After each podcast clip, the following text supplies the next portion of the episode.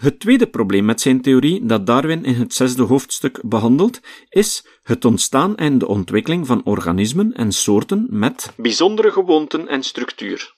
Pagina 179. Vleermuizen bijvoorbeeld.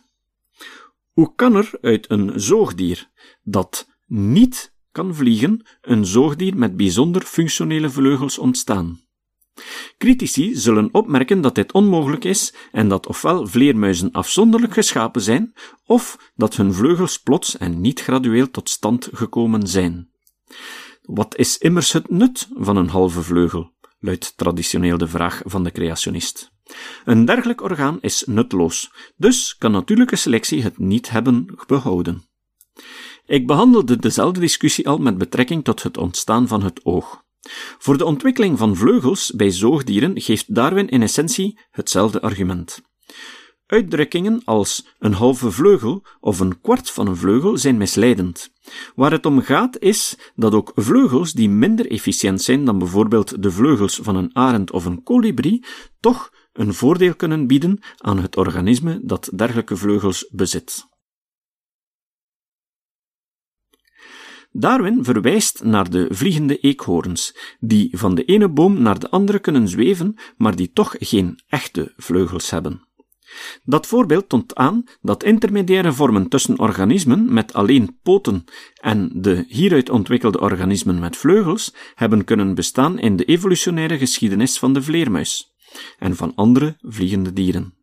Dat houdt ook in dat de functie van organismen in de loop van de evolutie kan veranderen.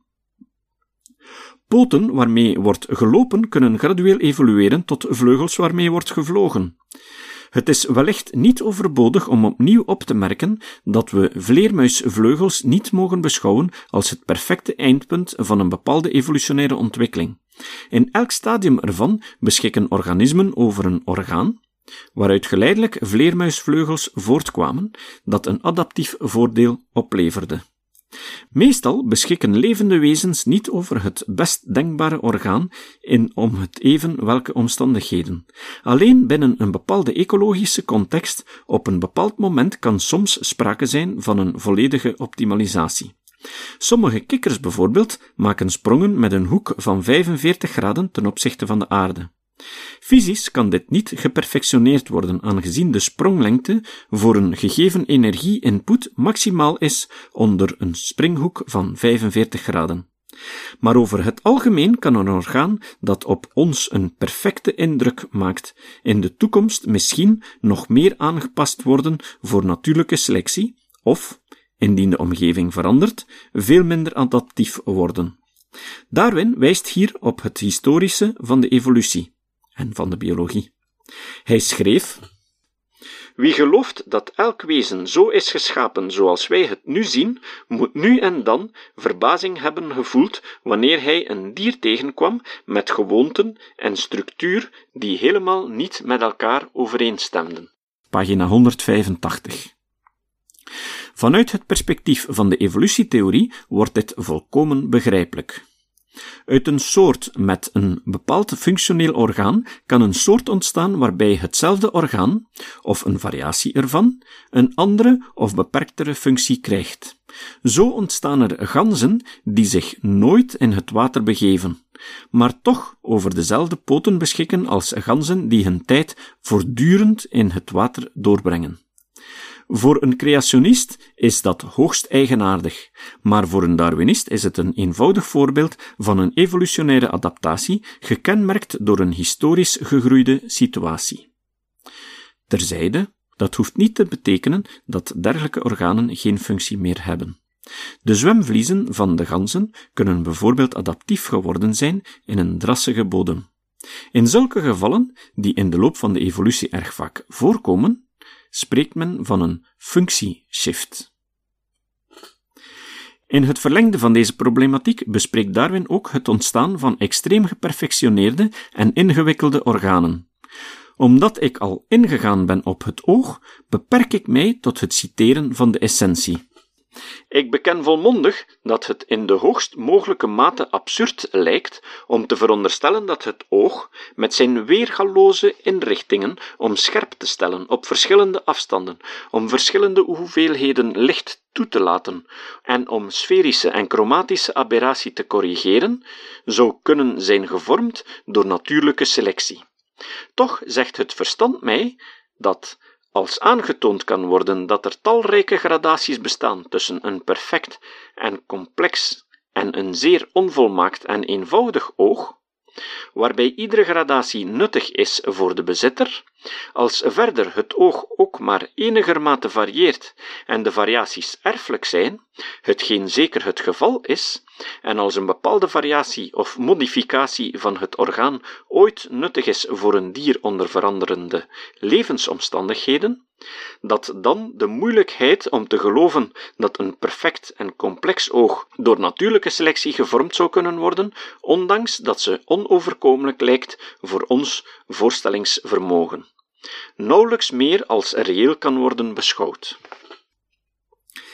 Hij gaat in dit verband in op de klassieke vergelijking door natuurtheologen tussen het oog en de telescoop. Hij pakt het voorzichtig aan. Hij poneert niet eenvoudig weg dat de idee dat God ogen maakt zoals de mens telescopen maakt verkeerd is, en dat we ogen niet langer nodig hebben ter verklaring van dergelijke verschijnselen.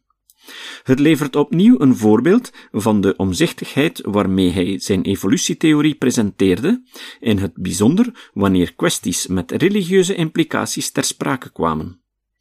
We weten, schrijft hij, dat dit instrument, de telescoop, geperfectioneerd is door de lang aanhoudende inspanningen van de grootste menselijke intellectuelen, en we leiden daar natuurlijk uit af dat het oog door een iets wat analoog proces is gevormd.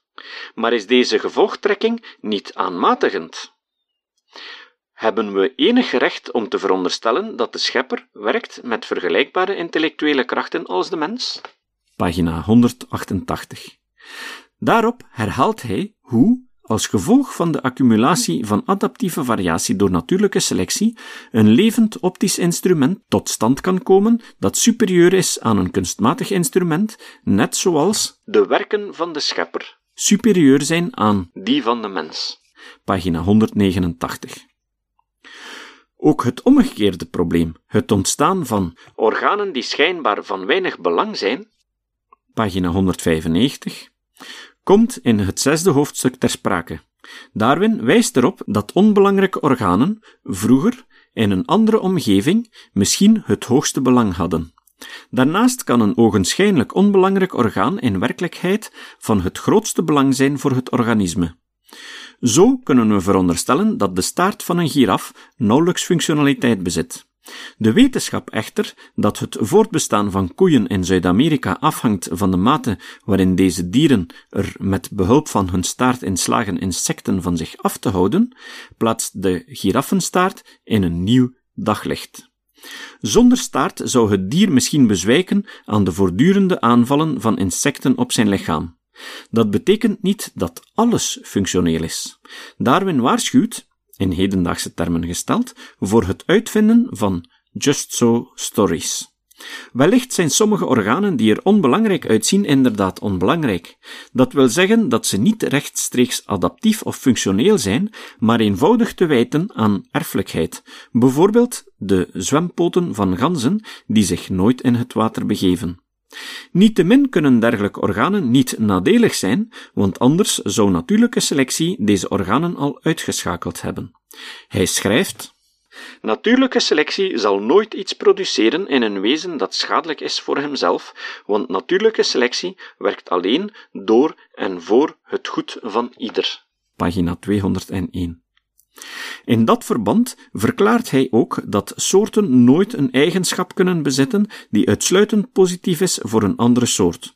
Hoewel hij geregeld beweert dat natuurlijke selectie inwerkt op individuele organismen en eerder al aanstipte dat dit ook geldt voor sociaal levende dieren, maakt hij in deze plaats toch een uitzondering voor het gedrag van sommige sociaal levende insecten. Natuurlijke selectie werkt met wat voorhanden is.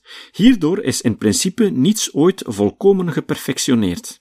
Hij haalt het geval aan van sommige bijen die, wanneer ze aanvallen, hun angel niet meer kunnen intrekken, met de dood als gevolg. Dat ziet hij als een voorbeeld van natuurlijke selectie in functie van het nut voor de gemeenschap. Bij een aanval op de korf zullen, ter verdediging, sommige insecten hun angel achterlaten in de aanvaller en hierdoor sterven. Maar dat is in het voordeel van de korf. Zoals we nu weten, was die interpretatie verkeerd. Zijn eerder gegeven stelling dat dergelijk gedrag slechts kan ontstaan als het op een of andere manier, hoe paradoxaal dan ook, mag klinken, in het voordeel is van het individu dat dit gedrag vertoont, is meer correct, maar nog niet helemaal. Ik zal later toelichten hoe natuurlijke selectie zelfopofferend gedrag heeft doen ontstaan, niet in functie van de soort of van de groep, en strikt genomen ook niet in het voordeel van het individuele organisme, maar van het genetisch materiaal. De hedendaagse theorie hierover maakt een eind aan de vooral in de 20e eeuw populaire opvatting dat selectie kan inwerken op groepsniveau in het voorbeeld van bijen op het niveau van de korf.